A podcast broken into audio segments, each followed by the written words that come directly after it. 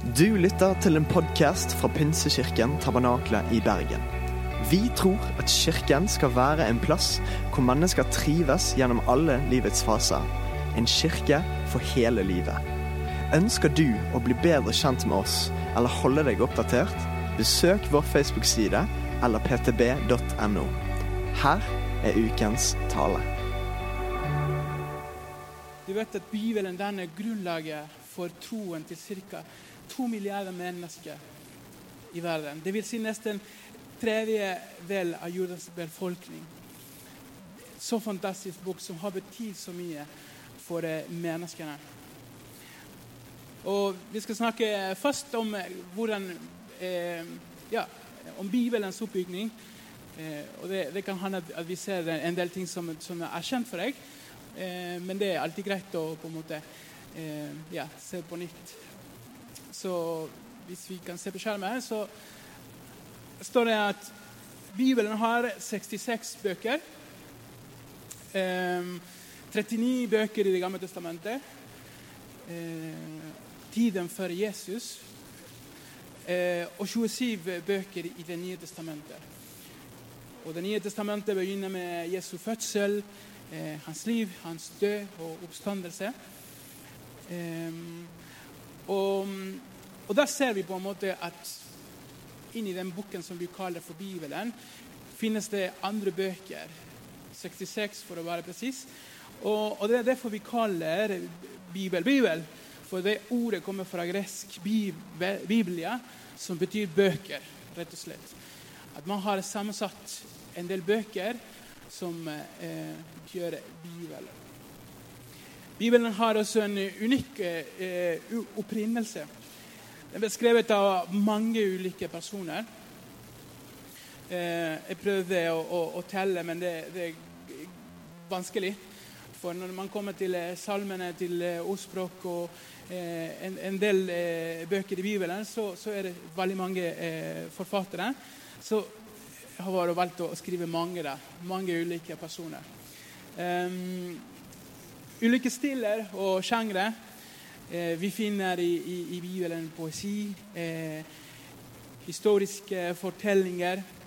Eh, vi finner noen brev også i, i, Bibelen. Den ble skrevet på flere eh, på forskjellige språk, som eh, hebraisk, gresk og arameisk. Og skrevet i løpet av en ganske lang periode av sånn ca. 1500 år. Og dette skjer på ulike eh, steder. Både i store byer og ute på bygda, oppe på fjellet eller ved sjøen. På forskjellige steder ble Bibelen skrevet. Men vi pleier å si at Bibelen er Guds ord. Og hva mener vi med det? Guds åpenbaringen til menneskene den måte, med andre ord, den måte Gud valgte å åpenbare seg for menneskene. Du kan kanskje sammenligne det med en biografi som du leser om en person, en, en, en kjent person som har vært i politikk eller et eller annet. En person velger å skrive en bok for å fortelle om hans liv. Du kan sammenligne det på en måte med Bibelen. At Gud har valgt å, å, å, vise hvem han er, gjennom å inspirere forskjellige forfattere til å skrive Bibelen. Og Derfor sier vi at eh, i Bibelen finner vi noe om Gud, om hvem han er, hva hans vilje for verden og for menneskene. Når det gjelder mennesker, så forteller oss Bibelen hvem vi er hvor vi kommer fra, og hvor vi skal. Og Det forteller oss også noe om verden.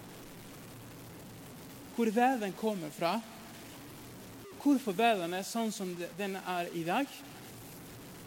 Men det forteller oss hva skal skje med verden i fremtiden. Vi tror at Gud inspirerte forskjellige mennesker til å skrive de forskjellige bøkene som vi finner i, i, i våre bibler. På, så på en måte man kan påstå at Bibelen er et samarbeid mellom Gud og menneskene. Mennesker som opplevde forskjellige ting sammen med Gud. Forskjellige ting i livet. Vanskelige tider, gode tider.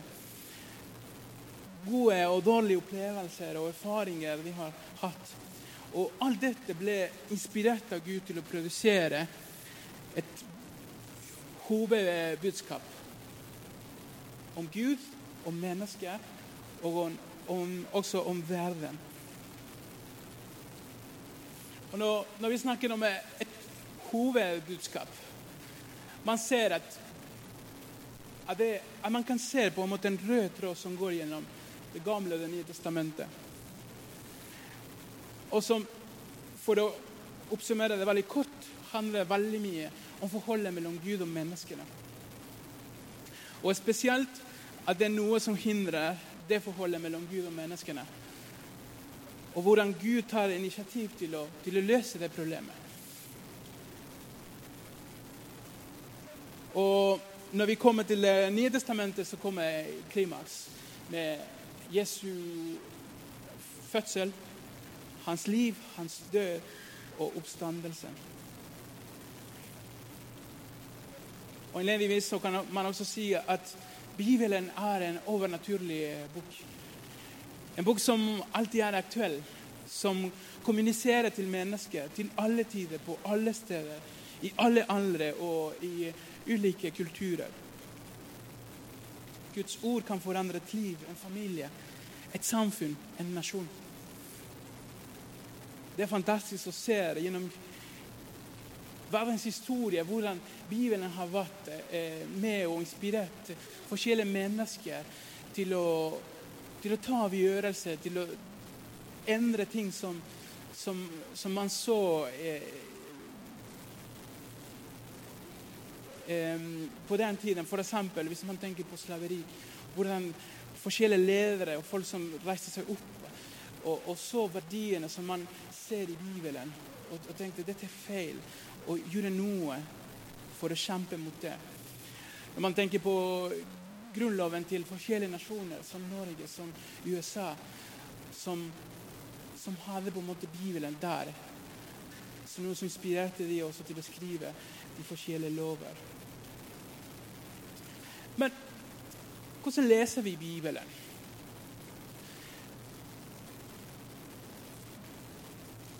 Bibelens egenskaper gjør at, vi noen ganger må jobbe litt med teksten for å kunne forstå eh, dens meningen.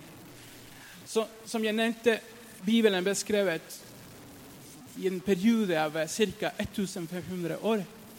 Og dette skjedde for 2000 år siden. Så da kan du tenke deg ja, det, det lange siden teksten vi har i dag, ble skrevet. Og, og det gjør at, at, det blir en veldig stor avstand mellom kulturen vår og kulturen eh, Bibelen ble skrevet i. Eh, språk Det, det blir eh, Ja. Det, det, hadde nok vært eh, veldig kjekt hvis det hadde vært sånn at Jesus og, og, alle disiplene og alle de som skrevet Bibelen, snakket norsk. Men dessverre, de snakket ikke norsk. De snakket eh, arabisk, eh, hebraisk, de snakket gresk. Og de skrevet eh, Bibelen i deres språk. Og da, har vi på en måte fra eh, Med, med det, dette utgangspunktet en, en, en, en, jobb å gjøre. sant? Å kunne komme nærmere kulturen og språkforskjell og alt det vi, vi ser her. Og Noen ganger er det sånn at Bibelen kan bli rett og slett litt vanskelig å forstå. Um, men betyr det at, at, man må være høy utdannet i teologi for å kunne eh, forstå Bibelen?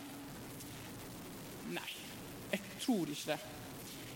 Og Jeg har prøvd, liksom, prøvd å finne et eksempel på dette.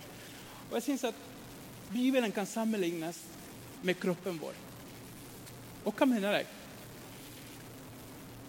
Alle vi forstår eh, hvordan kroppen vår fungerer. Vi forstår eh, når, når, når, kroppen sender noen signaler og sier oh, det er varmt i dag. Ikke sant?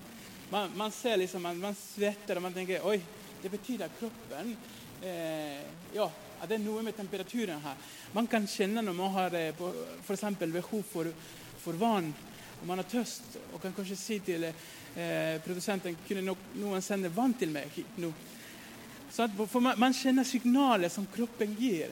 Man kjenner når, når man tenker åh, jeg er trøtt, jeg er sliten. Man vet f.eks. at hvis man er syk og hvis man er trøtt, at kroppen kan ikke respondere har ikke samme respons enn når man er, har det bra og man er i, i god form. Ikke sant? For vi kjenner eh, kroppen vår. Vi kjenner når vi er sulten, når vi har behov for forskjellige ting osv. Men det betyr ikke at vi kan alt om kroppene våre. Det er derfor vi har spesialister. Vi har leger, vi har folk som har studert forskjellige deler av kroppen og kan hjelpe oss å forstå en del ting som vi ikke forstår. Du plutselig har vondt i hodet og så tenker du jeg forstår ikke hvorfor jeg fortsatt har det. Så går du ut til lege, og så finner man ut at kanskje det var et annet som, som plager, et eller annet sykdom, en virus f.eks., eller bakterier. Og så kan man få medisin, og så kan man bli bedre. Og på samme måte så mener jeg at det er med Bibelen. At Bibelen er jo på en måte lett å forstå. Det kan brukes, man kan lese det hver dag. Og man kan få veldig mye ut av Bibelen. På samme måte som man kjenner egen kropp, kan man bli kjent med Bibelen. Er dere med? Men samtidig finnes det noen steder, noen ting i Bibelen som er vanskelig å forstå. Og man trenger en, en som, er, som, har studert kanskje historie, som har studert språk, kultur på den tiden, for å forstå litt bedre det som står der. Og så mange andre ting som kan påvirke betydningen for en tekst. Um, og Derfor ønsker jeg å presentere noen enkelte verktøy som kan hjelpe oss å forstå bedre Bibelen. Noen veldig enkelte verktøy. Nå skal vi snakke om det som står der som prinsipp.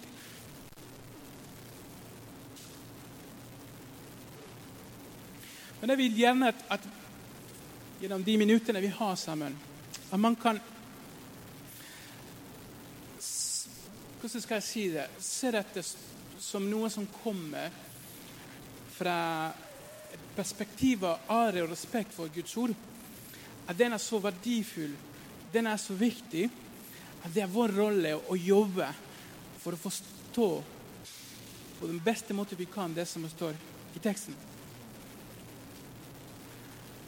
Denne boken er så viktig som jeg vil si at det er nesten på en måte en krav for oss som lesere at vi gjør vår beste for å forstår det som ble ment av en forfatter, eller det som ble inspirert av Gud. Dere har sikkert hørt mange historier hvor folk bruker Bibelen for, for å ha et eller annet eh, eh, unnskyldning for å gjøre forskjellige ting. Og vi har sett så mange gale ting rundt i verden. ikke sant? Det gjelder penger, og det gjelder hvordan man eh, ja, behandle folk i menighet og så mange ting som man bruker Bibelen som fundament. Og, og jeg, vil, jeg, vil, si at Det er derfor at det er vår oppgave. Og når vi kommer til teksten og gjør vår beste for å forstå det som står der, med respekt og ydmykhet. Og ikke bare komme med våre tanker og det vi tenker Bibelen sier, men at vi lar teksten snakke til oss.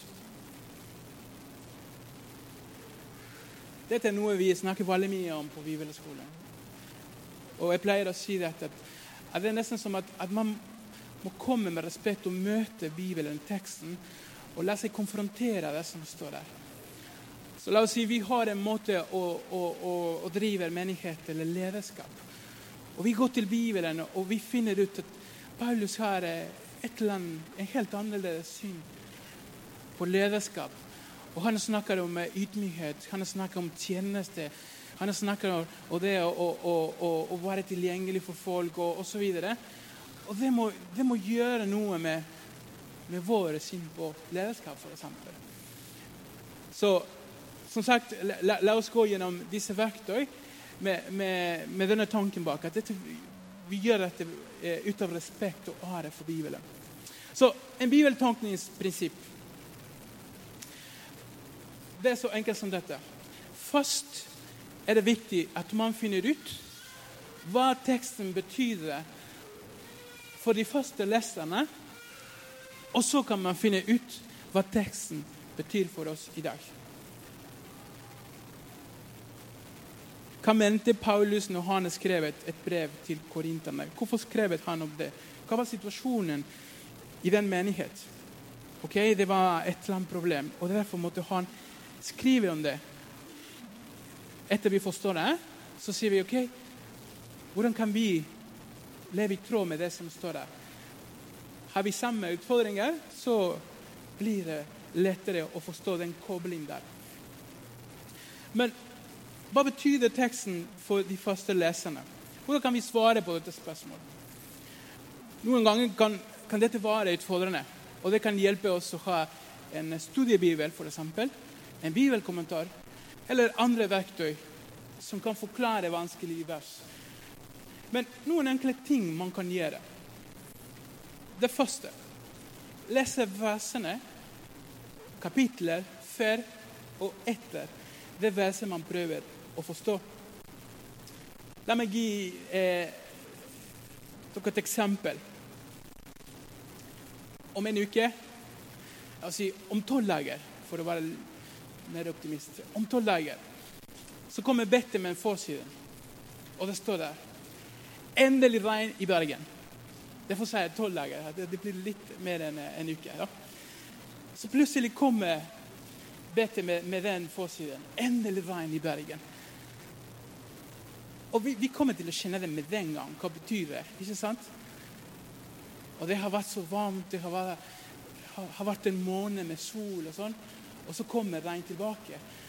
Men, men, hvorfor kjenner vi det? For vi vet at det regner mye i Bergen, for vi bor her. ikke sant? Men tenk at det kommer noe eh, fra utlandet som har aldri vært i Bergen. Og så leser eller noen oversetter det og så sier ja, det er det som står i avisen.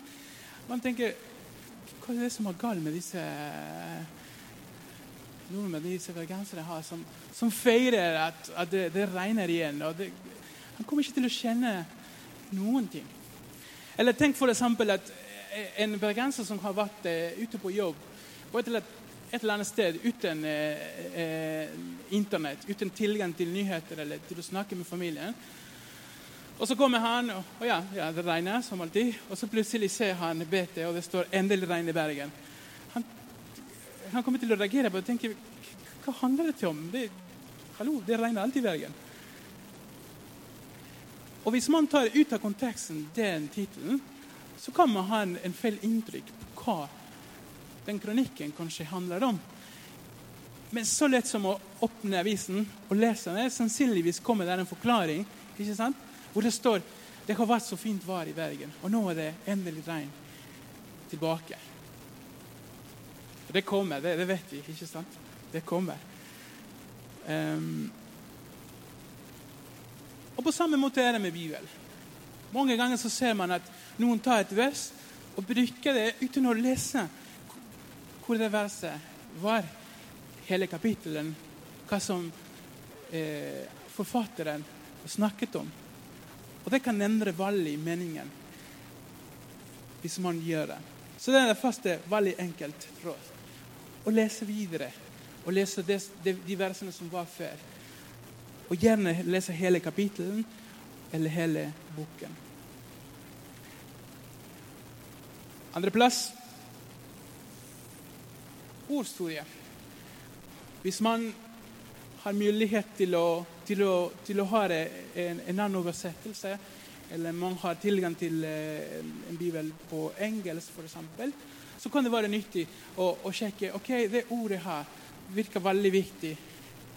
Hvordan ble det eh, skrevet på de forskjellige versjoner eller oversettelser? Hvordan står det på engelsk? Så det kan hjelpe oss å ha et bedre forståelse. På samme måte som en synonym sant, kan hjelpe oss å forstå eh, en idé. Og hvis man har mulighet til å sjekke eh, hva ordet ble brukt eh, på gresk eller hebraisk, så er det enda bedre. For det tredje identifisere om det som står skrevet, er påvirket av kulturen eller tiden verset er skrevet i. Um, for eksempel De fleste kristne vil sannsynligvis forstå hva Bibelen mener, hvis man leser at Jesus er Guds lam. Hvis vi antar for at det er flertall på folk som har gått i menighet har eh, en, en, del år, så jeg antar at de fleste forstår at hva, Bibelen mener når Bibelen sier at Jesus er Guds lam. Og Det er fordi man har en forståelse av offersystemet i tabernaklet, tempelet eh, og også Jesu verk. Men for den som leser Bibelen for det første gang, vil sannsynligvis være helt umulig å forstå hva betyr det at Jesus er Guds lam. Tilbake til eksempelet om forsiden på betet. Blir det kanskje vanskelig for den som ikke vet noen ting om Bergen eller Norge, å forstå at det er noe spesielt der mellom Bergen og Rein. Og Derfor vil man tenke hvorfor er dette en sak? Hvorfor står det i avisen? Ikke sant? Og, og derfor ser vi at med noen eksempler hvor viktig det er at, at man ser er det noe kulturelt her. Er det noe som jeg ikke kjenner helt, som er skrevet? Og det, jeg, jeg vet det kan være vanskelig å få mulighet til å, til å vite det. Og her har vi eh, bibelkommentarer og studiebibel som to gode verktøy. Og I dag finnes det veldig mange nettsider og steder hvor man kan også eh, finne informasjon. Um, for det fjerde at man er oppmerksom på hvilken type sjanger man leser. Det er veldig viktig. Om det er et brev, en historisk fortelling eller en poesi, f.eks. I Salme 42 står det som hjorten, som hjorten lengter etter bekker med vann, lengter min sjel etter deg, min Gud. Og Det er ganske åpenbart at, i dette verset at, man sammenligner sant? En, en hjorts lengsel etter vann med ens lengsel etter Gud. Sant? Man kunne aldri lese dette som noe bokstavelig. At dette handler om at man skal late som man er en hjort hver gang man vil søke Gud. ikke sant? Man ser at det er noe vakkert her i botiden. Og, og, det er derfor det er så viktig at man er kjent med hvilke typer sjangre det handler om. Er det et brev som Paulus har skrevet til en menighet, så vil det sannsynligvis være koblet med det som skjer på den tiden, med den menigheten. Vi, vi går nå eh, på substans gjennom Korinterbrev. Det er en menighet som har masse utfordringer og problemer. Og Paulus begynner noen kapitler med å si ok, til det spørsmålet dere sendte, så sier jeg dette. Og Da kjenner man med en gang ok, her er det en dialog. sant? De kan sende et brev. De kan sagt Paulus, vi lurer på det og det og det her. Hva, hva, tenker du? Hva er det som er riktig? Og så svarer Paulus. Um, og det hjelper oss å forstå bedre teksten når vi ser hva som var eh, Hva som skjedde rundt teksten på den tiden. Og det siste koble teksten med resten av Bibelen. Hvordan passer dette inn i, i, det som andre forfattere har sagt? Eller hvordan passer det inn i forhold til frelsesplan? Eller, i forhold til Israels historie, f.eks. Å koble den teksten man leser, med resten av Bibelen. Og Der har vi også en stor utfordring noen ganger. At man f.eks. leser et eller annet vers som på en merkelig måte sier at, at Gud bare elsker noen få. At han bare vil frelse noen få. Og så tar man det, det verset og sier ja, men det står i Bibelen. At Gud utvelger folk. Og det, Frelsen er ikke for alle. Men når man ser i lys av hele åpenbaringen, hele Bibelen, så ser man at det stemmer ikke. Hele Bibelen handler om Guds kjærlighet som søker etter folk, som vil nå folk. Og hans plan for å frelse verden. Hele historien om Israel og klimaks der med, med Jesus som kommer. Og, og, og det, det, gjør som sagt at, at vi trenger å, å, se enkelte verset i kontekst av hele Bibelen. Så det første Hva betyr teksten for de første leserne? Sant? Bare noen enkelte verktøy for å, å, finne ut hva det betyr for dem. Å lese, være seg i konteksten og studere noen ord som, som, som virker viktig der. Og, og, og, sette seg inn i, i, i kulturell kontekst og forstå hvilken sjanger det handler om. Og se hvordan det kobles mot resten av Bibelen. Og så har vi del nummer to her. Hva betyr denne teksten for oss i dag? I noen tilfeller så kan det være ganske åpenbart. F.eks.: Du skal ikke slå i hjel. Før betyr det at, det at, at, man ikke kunne tatt noen andre sitt liv. Og det betyr akkurat det samme i dag. Sant? Men i samme boken, andre Mosebok, så finner vi mange regler om, eh, i forhold til eh, offersystemet i tabernaklet. Men man fortsetter ikke med samme praksis i dag.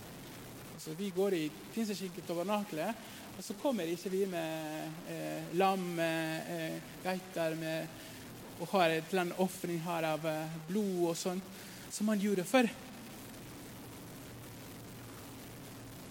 Men det fortsatt er Guds ord. Det fortsatt er der. Og det kan lære oss en del ting. Men det er ganske åpenbart at det er noe som vi trenger ikke å fortsette med. Hvorfor det? For resten av Bibelen forklarer oss det. Når man leser Nye testamentet, så blir dette forklart av eh, forskjellige forfattere. I brevet, f.eks. Av Paulus, av Jesus selv. Man har en forståelse at Jesus har tatt plassen som lammet hadde på den tiden, og har ofret sitt liv en gang for alle. Og man vet det fordi man har lest og forstått Det nye testamentet. Og Dette eksempelet viser oss at noen ganger så trenger vi å se det store bildet, spesielt med noen vers i Gamle testamentet. At vi må se om et prinsipp er gjeldig både i Det gamle testamentet og i Det nye testamentet. La meg bruke et kort eksempel på dette, som kan være litt sånn kontroversiell. Men det, jeg syns det er gøy å ta det. Så står det i 1. Timoteus kapittel 5, 23. Drikk ikke lenger bare vann, men bruk litt vin for din mage, fordi du, of, du så ofte er syk, sier Paulus til Timoteus.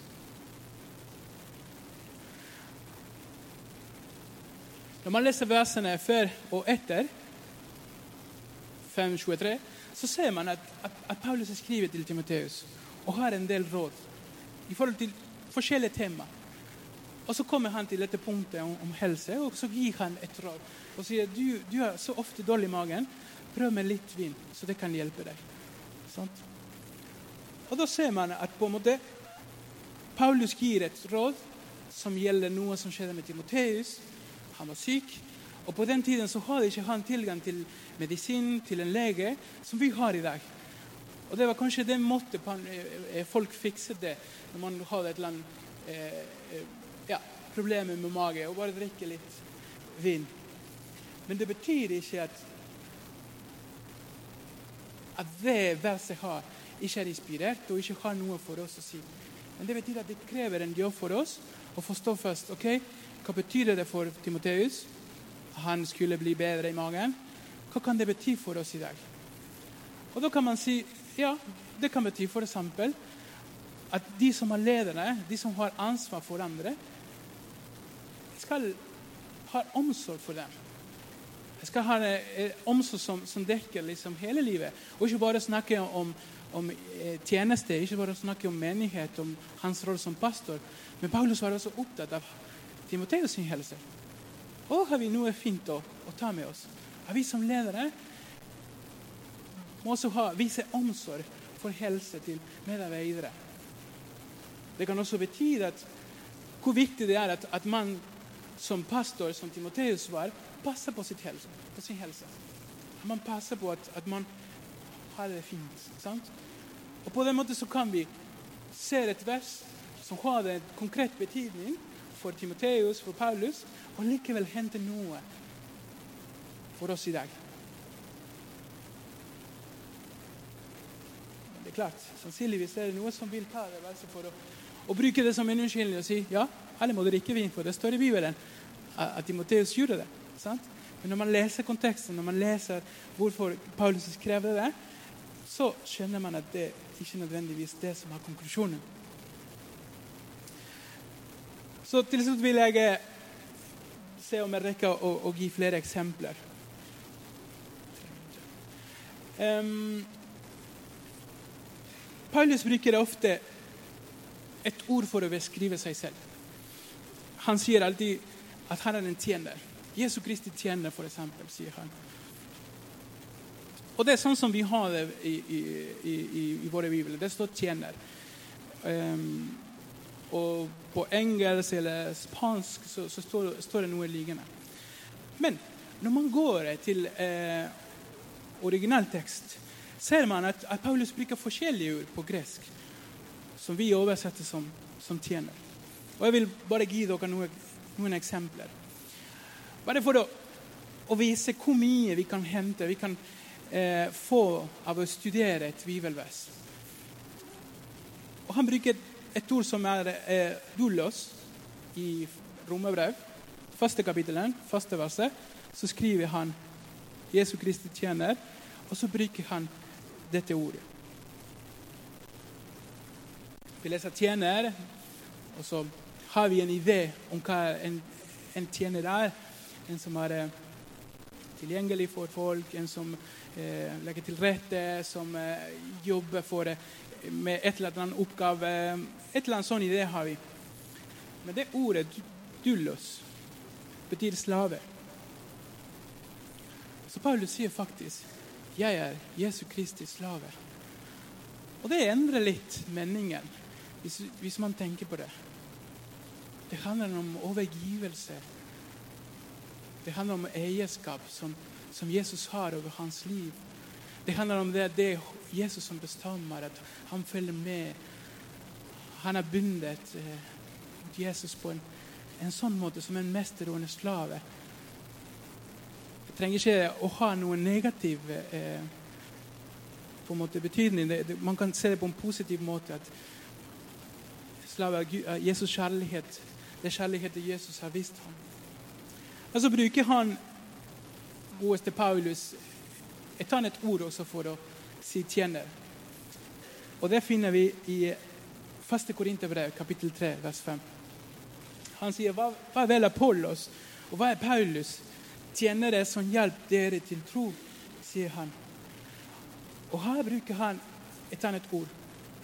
Diakonos. Dette ordet har flere betydninger, som handler alltid om å tjene. Men det som jeg liker mest, er servitør. Akkurat samme ordet som man brukte på en restaurant for å be om hjelp. 'Hallo, Diakonos, vi, vi trenger litt hjelp her. Kan, kunne du ta Og, og så videre. Eller kommer Diakonos til bordet og så hilser velkommen og sier 'Hva har dere lyst til å spise i dag?' Den, den var diakonen. en servitør. Og det ordet bruker Paulus ut fra, liksom fra livet, fra eh, ja, den restauranten og sammenheng, inn i, i kristendommen og sier 'jeg er en servitør'. En som går liksom og vasker bord og serverer og, og hjelper folk. Siste ordet hyperetes. En eh, hyperetes var en eh, roer en slave som var i nedre vekk. Det kommer bilde der. Jeg vet ikke om dere klarer å se. Og så neste bilde. En eh, slave som var i nedre vekk og måtte ro sammen med andre roere i en galeiskip. Det var en veldig hardt jobb, og man måtte lyde alltid til kaptein, som ropte med en kommando. Han sier, 'Så skal dere se på oss som Kristi tjenere' i 1. Korinterbrev kapittel 4, vers 1. Og Det endrer også betydning når man tenker om seg selv som en leder, som er, en som er i tjeneste, som en huperettes. en roer som bare følger ordrene som kaptein ropte. Så Paulus viser oss alle vi som tjener Gud i forskjellige områder, er hans slave. handler om eierskap, om overgivelse om lydighet. At vår oppgave er å, å tjene andre som en servitør som serverer på en restaurant. Og at vi har en lave posisjon som en roer. Vi bare følger ordrene som Jesus, som vår kaptein, gir til oss. Er ikke det fantastisk å tenke på det? Man kan få så mye ut av Bibelen. Og Det er derfor jeg sa innledningsvis at det er vår oppgave å gjøre vårt beste for å forstå det som står der. Og bruke verktøy og gå på bibelskole for å forstå på den beste måten man kan hva som teksten sier til oss. Og men, mens låtsasteamet kommer opp,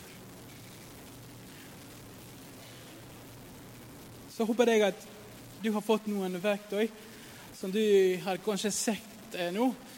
Dette ligner mer med en undervisningstime enn en eh, preke. Eh, men det var denne måten vi på en måte ville introdusere denne taleserien. Og Jeg håper at du har fått noen enkelte verktøy som kan hjelpe deg for å få mer ut av det du leser i Bibelen. Og jeg ønsker virkelig å se en vekkelse når det gjelder interesse for Guds ord. Kan jeg få en amen? Bibelen er den mest spennende bok som finnes i verden. Et levende bok som kan kommunisere til alle tider, på alle steder, i alle aldre og i ulike kulturer. Vi må gi Guds ord den sentrale plassen som den fortjener i livene våre. Det begynner alltid med oss, ikke sant? I familiene våre, i vår menighet og i vårt samfunn.